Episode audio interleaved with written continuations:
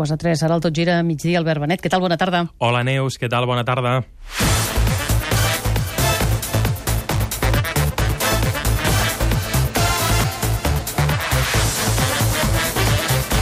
Tot gira a migdia, amb Albert Benet.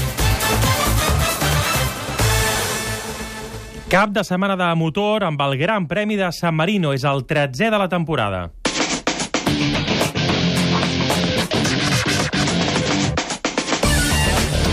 Ara, de seguida, res d'aquí 4 minuts i mig, a dos quarts i cinc de 3, començaran els oficials de MotoGP. Fa només uns minuts s'ha fet la repesca, com és habitual. Connectem a aquesta hora amb el circuit de Misano. Damià Aguilar, bona tarda.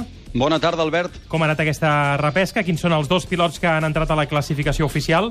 Són Dani Pedrosa i Franco Morbidelli. Pedrosa ha superat Morbidelli per 65 mil·lèsimes. Són els dos pilots que d'aquí a pocs minuts disputaran aquesta classificació juntament amb Dovizioso, Lorenzo, Crutchlow, Maverick Viñales, Márquez, Petrucci, Rins, Valentino Rossi, Zarco i Miller. Ja tenim dues posicions definitives de la graella de MotoGP de dos pilots catalans. Aleix Espargaró, 16è, per tant, sisena fila de la graella.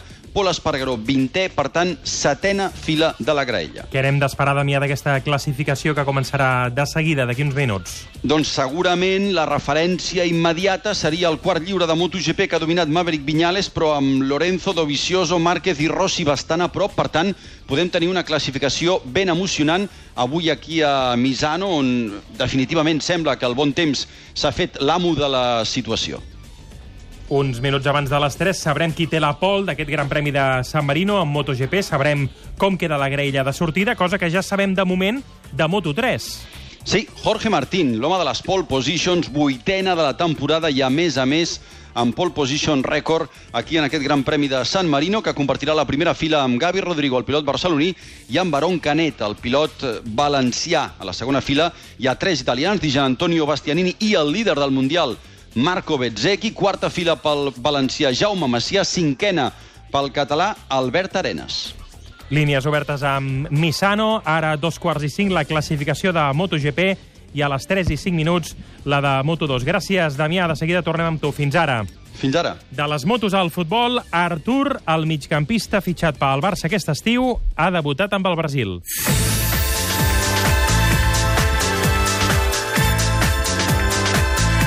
Ja sabeu que no hi ha Lliga a primera divisió. Els aficionats del Barça, de l'Espanyol i del Girona s'hauran d'esperar una setmana per veure els seus equips. En el cas del Barça, hi ha unes ganes força generalitzades de veure Artur Melo, però de moment Valverde, Ernesto Valverde no està fent rotacions. Artur l'estem veient poc de blaugrana, però Robert Prat, bona tarda. Bona tarda. Aquesta matinada l'hem vist amb la samarreta del Brasil. Artur ha debutat amb l'absoluta. Sí, l'hem vist però només uns minuts perquè Artur ha entrat a l'última mitja hora de partit. Here's a substitution for you because Arthur is going to replace Fred. Fred has done his bit and Arthur this I és que aquest és el moment en què la narració televisiva dels Estats Units-Brasil anunciava l'entrada d'Artur al terreny de joc substituint el davanter Fred. Artur Melo ha entrat al minut 60, ha jugat mitja horeta, ja havia estat convocat pel seleccionador brasiler Tite, però encara no li havia donat l'oportunitat de debutar. Va ser una de les principals absències al Mundial de Rússia d'aquest estiu. El Brasil ha guanyat als Estats Units 0 a 2 amb gols del davanter del Liverpool, Firmino i de Neymar de penal. El seleccionador brasiler Tite diu que l'equip encara no està rodat i que l'ha de recuperar emocionalment. em cima d'uma dor i d'una frustració. Partim d'una frustració i d'una eliminació. Són moments complicats. Eu conversei com o pessoal antes, com He parlat amb els jugadors, ens hem reunit i tots estaven tocats emocionalment. Também para vocês, mas dos atletas também. Ens hem de retrobar com a equip. Per exemple, Douglas Costa ha fet el seu segon partit Tite, el seleccionador que ha fet debutar Artur Melo amb l'absoluta del Brasil. Protagonisme també per Luis Suárez, el davanter uruguaià ha repetit amb la seva selecció els mateixos registres que el cap de setmana passat amb el Barça contra l'Osca. Dos gols, un d'ells de penal. Luis Suárez para darle dos de ventaja a Uruguay al 40. Memo bajo los postes, sirve el árbitro. Arranca Lucho de derecha, le pegó. ¡Gol de Uruguay!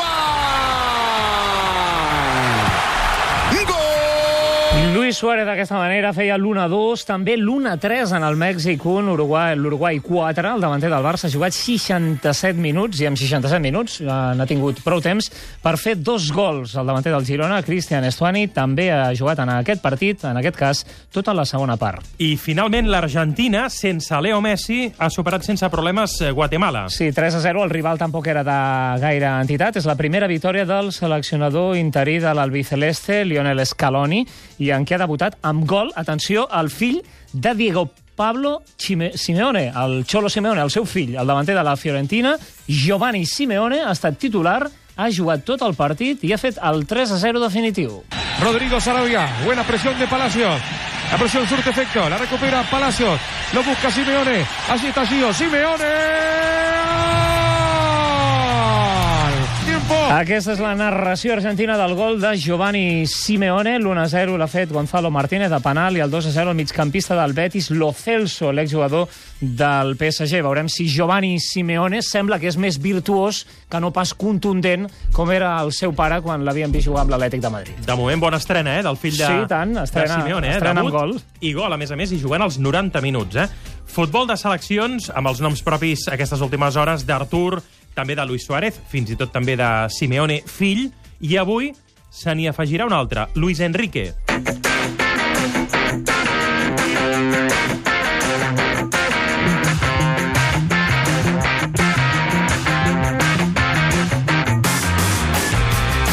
L'entrenador asturià, l'ex del Barça, s'estrena aquest vespre com a seleccionador espanyol. És el dia 1 de Luis Enrique, el dia 1 sense Jordi Alba, el dia 1 de l'etapa post-Lopetegui, amb el parèntesi de Fernando Hierro, després del que va passar quan Florentino Pérez va decidir que Julen Lopetegui era l'entrenador ideal pel Madrid.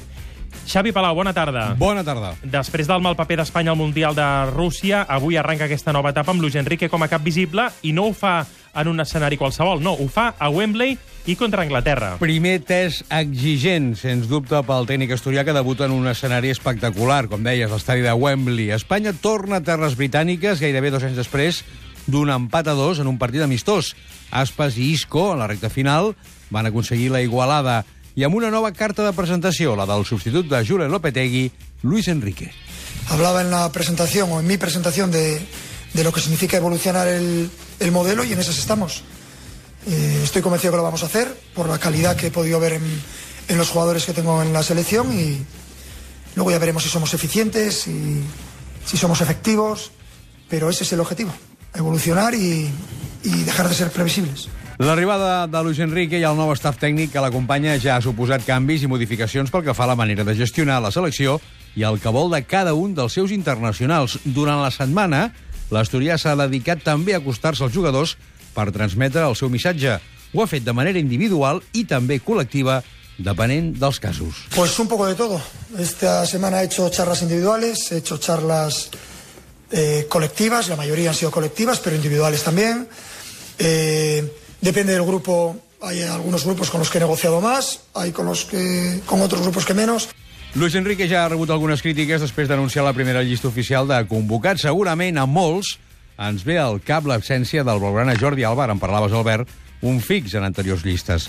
En canvi, així ha parlat de la figura del madridista Sergio Ramos, a qui molts situaven a les antípodes del tècnic. que es un jugador escogido y yo solo puedo que, que reafirmar esto. No me he llevado una grata sorpresa porque ya eh, sabía que tenía una gran personalidad y un gran líder dentro del terreno de juego, en los entrenamientos, en el gimnasio, en cualquier situación y fuera del juego. Un líder, una persona que arrastra. Estoy encantado, no se puede tener mejor actitud y, y nada, espero que esté con nosotros mucho tiempo. Luis Enrique vol aplicar el model que ha fet servir a les seves anteriors etapes com a tècnic, sobretot en l'etapa exitosa a Can Barça. De com jugaran avui a Wembley, ha dit això. Vamos a intentar ser lo más completos posibles. Hacer un gran partido, eso significa dominar las fases importantes del juego. Ese es nuestro planteamiento. Luego ya veremos si encontramos los espacios, dónde están, eh, a qué altura del campo, en qué líneas. Pero en principio a ser eh, agresivos en ese sentido. Aquest serà el novè enfrontament entre anglesos i espanyols a Wembley. Cinc victòries locals, dos empats i una victòria espanyola és el balanç fins ara. El partit a tres quarts de nou, una hora menys, a Londres. 20 minuts i a les 3 de la tarda, d'aquí uns minuts sabrem la pole, qui té la pole position d'aquests eh, oficials del Gran Premi de San Marino de motos s'està fent eh, la classificació de MotoGP, Damià, circuit de Misano, com van les coses? Ara mateix falten 10 minuts per tenir bandera de quadres d'aquesta classificació. Jorge Lorenzo té la pole provisional i, atenció, acaba de rebaixar el rècord de la pole position que tenia ell mateix des de l'any 2016. Aleshores ho va fer amb una Yamaha, ara ho ha fet amb la Ducati. Segona posició per Márquez, tercera per Miller, quarta per Viñales, cinquena per Pedrosa, sisena per Ring, setè Dovizioso, vuitè Crutchlow, novè Petrucci i encara queden tres pilots que no tenen volta comptabilitzada, entre els quals Valentino Rossi. De moment, Lorenzo, pol provisional, segona posició per Márquez. Tot gira migdia. Albert Benet. Catalunya Ràdio. Ja coneixes Mister? El joc de futbol en línia amb el que podràs treure l'entrenador que portes dins. Dirigeix el teu propi equip amb jugadors reals i competeix contra altres Misters com tu. Gestiona el teu equip jornada a jornada per ser el millor i guanyar grans premis. Descarrega't l'app de Mister o registra't a mister.mundodeportivo.com i comença a jugar. Tu ets el Mister.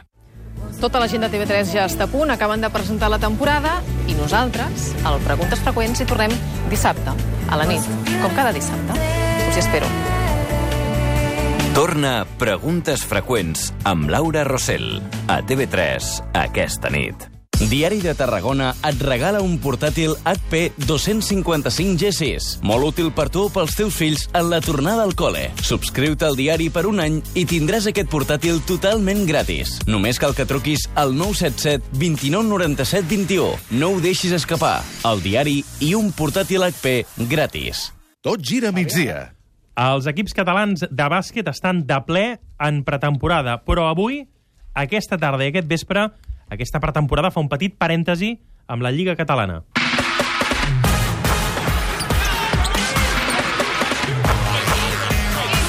A veure, no deixa de ser una competició eh, prèvia a la temporada, no deixa de ser gairebé un torneig d'estiu, però al cap i a la fi és un títol oficial, un títol que jugaran el Barça, la Penya, el Manresa i l'Andorra al pavelló Barris Nord de Lleida.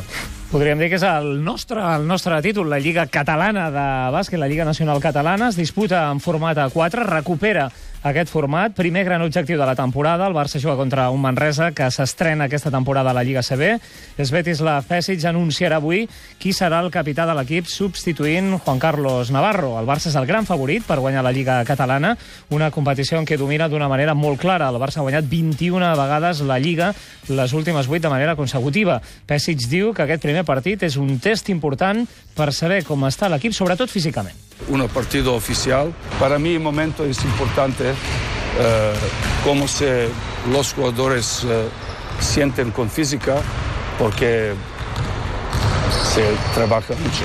Esto es, esto es eh, fase, esto es tiempo donde se entrena mucho y naturalmente algunas nuevas cosas, tácticas, sobre todo para nuevos jugadores. El Barça podrà fer jugar els sis reforços d'aquesta temporada. Ja ens hem d'anar acostumant a aquests noms, que els sentirem durant tota la temporada. Chris Singleton, Jaka Blasic, Kevin Pangos, Kyle Kuric, Adam Pustovgi i Roland Smith, els sis jugadors a disposició de Pesic al partit aquesta tarda. El Manresa afronta la competició com un regal. El partit que ha de jugar contra el Barça és un premi per l'ascens aconseguit la temporada passada. Joan Penyarroia, tècnic Manresa. Amb els quatre equips, en aquest cas representants de la Lliga Endesa, pues, eh, concentrats a Lleida, jugant aquest, aquesta competició i bé, jo crec que és una festa pel bàsquet, pel bàsquet català, poder veure pues, a, els tres equips catalans que juguen a la Lliga Endesa i a l'Andorra i, i espero que la gent disfruti i s'ho passi bé pues, com acostuma a passar sempre amb la, la Lliga Catalana. Penyarroia diu que la Lliga Catalana és una competició històrica, tota una tradició del bàsquet del nostre país. Enguany es disputa la 39a edició. La Lliga Catalana és una, és una gran competició, és una competició important, eh, eh, una competició històrica i ben enquadrada sempre dintre de, del que són les pretemporades. L'any passat va ser una excepció no? i ens va tocar pues, per problemes de dates pues, fer una competició atípica i bueno, aquest cap de setmana tornem al format que jo crec que és exitós. Esportivament, el Manresa sap que per afrontar un partit contra un rival com el Barça s'ha de competir al màxim nivell. El partit pues, mostrem eh, energia, mostrem activitat, mostrem eh, compromís i davant d'un rival que sabem que ens posarà moltes dificultats per, la qualitat que tenen tant tècnica com física com segurament eh, tàctica, pues, eh, bueno, competir de la, de la millor manera possible. De seguida parlem de l'altra semifinal d'aquesta Lliga Catalana entre la Penya i l'Andorra, el Joventut de Badalona i l'Andorra, però a aquesta hora, a tres quarts de tres, hem d'anar cap al circuit de Misano. Ja sentim aquest soroll de, de motos. Què ha passat, Damià? Ha caigut Marc Márquez, ha caigut en un dels seus intents de volta ràpida per superar Jorge Lorenzo, ha caigut en el darrer sector, era a 135 mil·lèsimes del millor temps de Lorenzo, Márquez anava per les parets jugant-se en cada revolt l'equilibri fins que l'ha perdut. Ha estat una caiguda típica d'ell. Eh, al final ha pogut, eh, ha vist que no podia recuperar la moto, ha sortit corrents pel seu propi peu, pel vial de seguretat, fins que ha trobat un scooter amb un Marshall i ara mateix està tornant amb scooter a la seva posició d'inici en el paddock per intentar recuperar la segona moto i intentar situar-se millor a la graella. Ara mateix és tercer Márquez al darrere de Miller amb la pol provisional de Lorenzo. Falten 4 minuts 20 segons. Aquesta és la notícia a aquesta hora, eh? ens ho acaba d'explicar el Damià Aguilar. Marc Márquez ha anat a terra. Robert, eh, ens havies de comentar la segona semifinal d'aquesta Lliga Catalana. Jugaran el Joventut de Badalona i l'Andorra. Sí, la primera, aquesta que jugarà el Futbol Club Barcelona i el Manresa. La segona, el Joventut i l'Andorra. La penya, 11 lligues catalanes al currículum. Arriba amb la baixa de Todorovic. De moment no pot jugar partits oficials fins que se solucionin els seus problemes amb els papers. Carles Duran, tècnic de la penya. El Simon no pot jugar, el Marco no pot jugar, el Quincy no pot jugar, només tenim un jugador d'interior de planter que és el Conor, el José ho està fent bé, però no és el seu rol, tindrem l'ajuda del Terrence, bueno, no és una realitat molt per competir, però també és cert que la nostra actitud i la nostra ambició doncs espero que ens porti al, al millor joc possible Simon Birgander, Quincy Miller, com deia Carles Duran, estan lesionats. L'Andorra, el rival, ja va eliminar l'any passat la penya a les semifinals, compta. L'Andorra té la base de jugadors de la temporada passada, el bloc, combinat amb alguns reforços d'aquest any per aquesta Lliga Catalana. Té també baixes importants, Dolman, Álvaro Muñoz, lesionats, i Renfro i l'Alan. El Joventut Andorra a les 6, el Barça Manresa a les 8, els dos partits amb transmissió d'Esport 3, la final demà a partir de les 8. Una lesió al genoll ha deixat fora de combat Rafa Nadal de l'Open de tennis dels Estats Units. Nadal ha quedat fora de la final.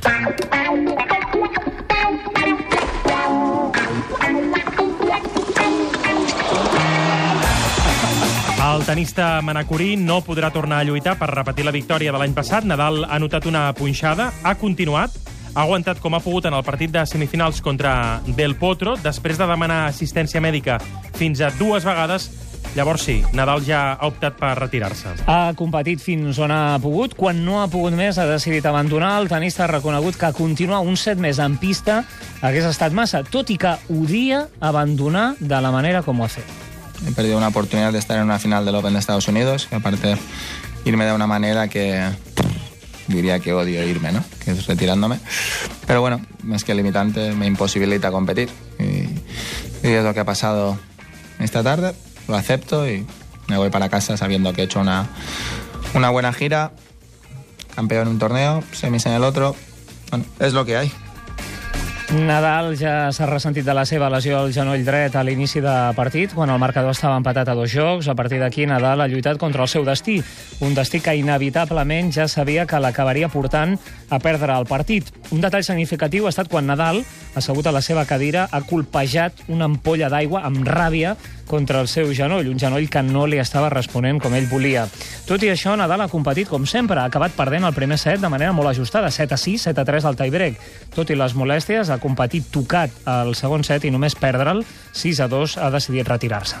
Para mi sensación personal es bastante peor irme así que haber perdido.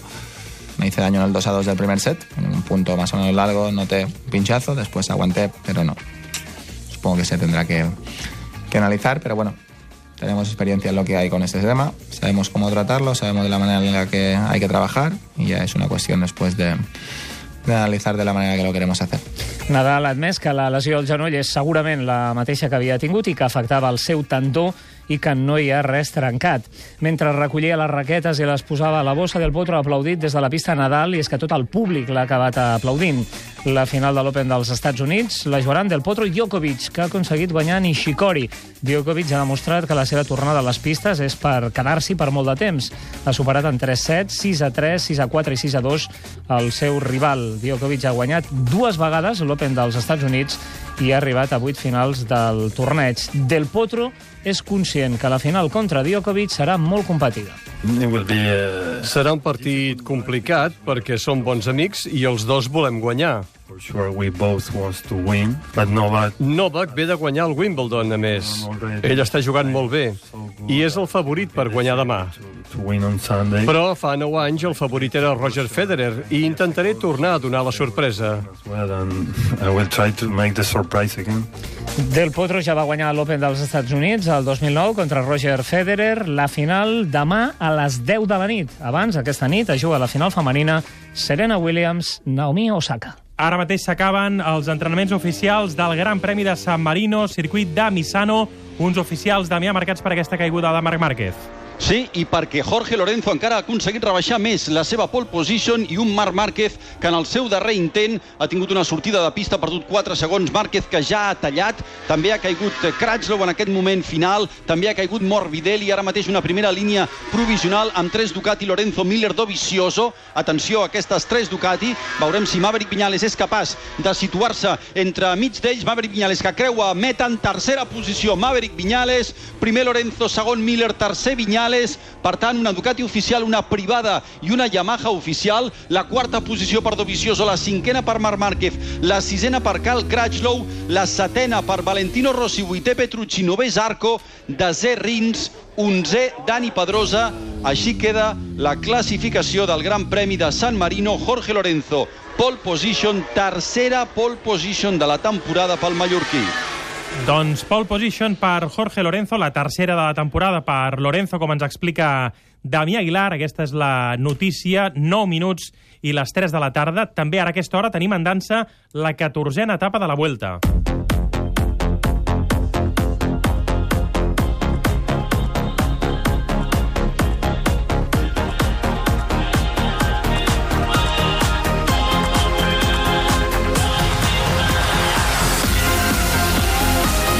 Entre avui i demà, Robert, es comença a decidir la Vuelta amb dues etapes de muntanya eh, decisives. La d'avui no tant com la de demà. Avui un port de primera categoria, les Praeres a Astúries, és l'escenari del final d'etapa que pot marcar algunes diferències importants a la Vuelta. La d'etapa de demà sí que és important, es pugen els llacs de Covadonga, un dels emblemes de la Vuelta a Espanya.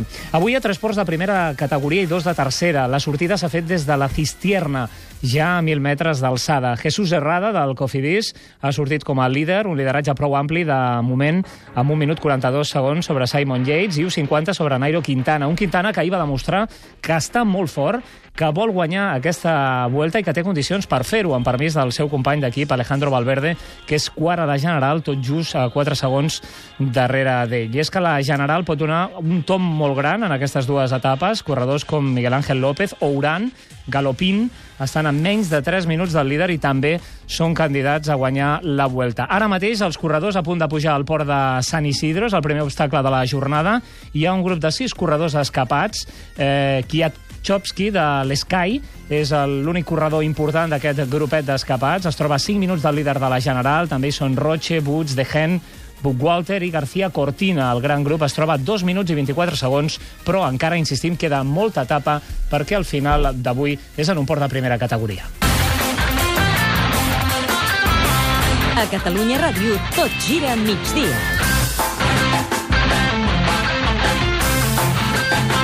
Amb Albert Benet.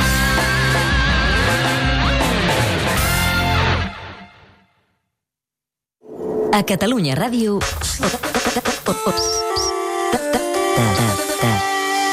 Postdates. No sé per quin estrany ressort, avui el teu record és un corc insistent, que lentament perfora aquest moble tan vell de l'amor, que és el cor.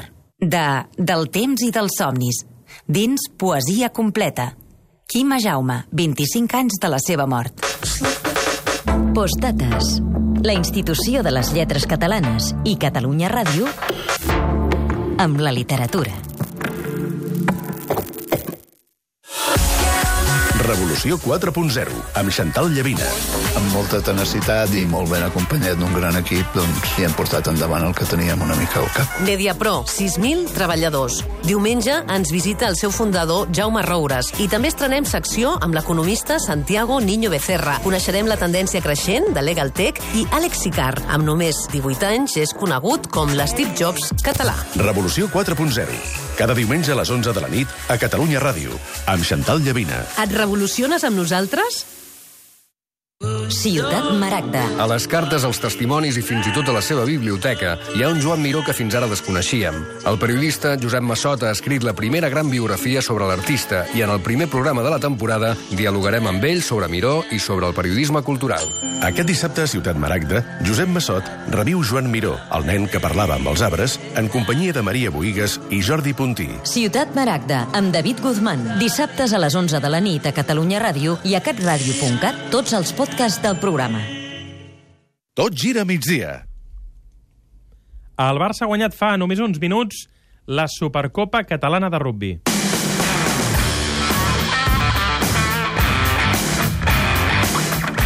5 minuts i les 3 de la tarda, en directe al Tot Gira Migdia de Catalunya Ràdio. Ha estat l'últim assaig abans de la Lliga i amb tot un clàssic, el Barça li ha guanyat a la Sant Boiana aquesta Supercopa jugada a Olot. Primer títol de la temporada en l'estrena d'aquesta Supercopa catalana, que en aquesta primera edició ha viatjat a Olot i s'ha endut la victòria al Barça. 21 a 17 ha estat el marcador final.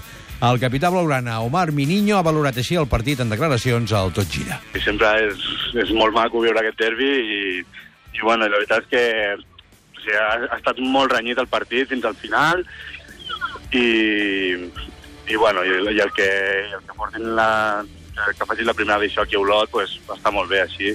No tot es centra a Barcelona, sempre. Tot això a la recta final de les preparacions i com a prèvia del començament de la Lliga, que serà el cap de setmana que ve. Els primers partits dels catalans, encara sense horaris confirmats, seran diumenge dia 16. Barça-Hernani i Ordícia-Sant Boiana són els primers enfrontaments d'aquesta primera jornada. Pel que fa al debut dels blaugranes, que han aconseguit avui aquesta Supercopa catalana, Omar Miriño diu que ja estan a punt per començar a competir. Jo crec que ja estem a punt. Sí, després d'avui ens hem posat el, el dia com estem i, i fins a on podem arribar i la veritat és que aquest any pues, veig les coses amb, amb molt d'optimisme i veig molt bon equip. I a la Lliga Catalana de Futbol Sala, Albert, et destaco que demà final entre el Barça, que va eliminar el Penya Esplugues, contra la Indústria Santa Coloma. Es va desfer de l'escola Pieta Sabadell. El partit d'aquesta final demà un quart de dues al Palau Blaugrana. Demà n'estarem pendents. Avui comença la Lliga Femenina de Futbol. I l'actual campió, l'Atlètic de Madrid, debuta al camp del Màlaga, mentre que l'Espanyol s'estrena aquest mateix vespre a casa, a la ciutat esportiva Dani Jarque, contra el Betis. Diuen que aquesta és la millor lliga femenina que hi ha hagut mai fins ara al futbol espanyol, i és que la pujada del futbol femení ha estat molt forta i es nota ja que els equips s'han reforçat molt i molt bé amb fitxatges internacionals. El bon paper també de la selecció espanyola ha ajudat, l'assistència als camps ha millorat i, de fet, s'ofereix més futbol femení per televisió. Barça i Atlètic de Madrid lluitaran per un títol, un títol més competit que mai. El Barça ha vist com l'Atlètic de Madrid s'ha endut les dues últimes lligues. El Barça té dos fitxatges de fora i dos espanyols, com són Andrea Pereira i Pamela Tajonar. L'Atlètic de Madrid ha canviat de tècnic, ara és José Luis Sánchez Vera, el nou entrenador que haurà de suplir les baixes de Pereira, que ha marxat al Barça, o de Sònia Bermúdez i Marta Corredera, o també de Suárez. Tindrà sis reforços de fora del mercat internacional i comptarà amb Jennifer Hermoso, que torna del PSG a la Lliga Espanyola. Barça, Atlètic de Madrid, també l'Atlètic Club, un club important, i el Llevant, que és un dels equips que també s'han reforçat molt i molt bé. Avui l'Atlètic de Madrid juga al camp del Màlaga, l'Espanyol debuta contra el Betis a la ciutat esportiva i el Barça debuta demà al camp de l'Atlètic Club a partir de les 12. I un jugador de l'equip masculí del Barça, Carles Alanyà, és notícia de fa només uns minuts, ha rebut l'alta mèdica de la seva lesió al tendó del bíceps femorals que es va fer al final de la temporada passada, aquesta lesió al bíceps femoral. Alanyà ja pot estar a disposició d'Ernesto Valverde, ja que des d'aquest estiu forma part del primer equip. Això sí, li han reservat el dorsal 26. Jugarà amb el filial mentre es posa a to i es recupera d'aquesta lesió. Está claro que la, la expulsión condiciona el, el, el, el encuentro. No sé si al final... Pues, I aquest és José Antonio Gordillo, el tècnic del Nàstic. Eh, Xavi, un Nàstic que no aixeca cap, eh? Eh, Inici de decebedor de l'equip tarragoní, quatre partits, cap victòria, un únic punt, només un punt de 12 possibles. Ahir derrota contundent a l'insular Canari, com deies, Albert, 4-0, amb un gol eh, abans d'acabar la primera part de Rubén Castro, la segona ja amb 10. El Nàstic va patir una expulsió vermella directa a la primera part de César Arzo. Això va condicionar moltíssim la segona part, que va completar les Palmes amb 3 gols més per deixar aquest 4-0. De moment s'encén el llum d'alarma a Tarragona, però no hi ha moviments i Gordillo continua tenint la confiança del Consell d'Administració. Aquí ho deixem. Recordeu que Jorge Lorenzo ha fet la pole del Gran Premi de San Marino MotoGP aquest vespre, edició reduïda del Tot Gira de 7 a 9 amb David Clopés.